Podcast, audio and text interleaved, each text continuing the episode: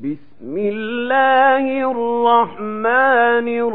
الرحيم.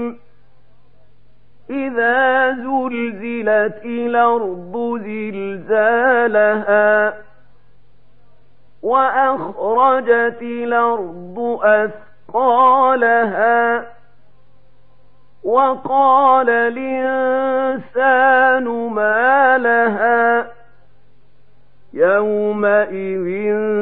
تحدث أخبارها بأن ربك أوحى لها يومئذ يصدر الناس أشتاتا ليروا أعمالهم فمن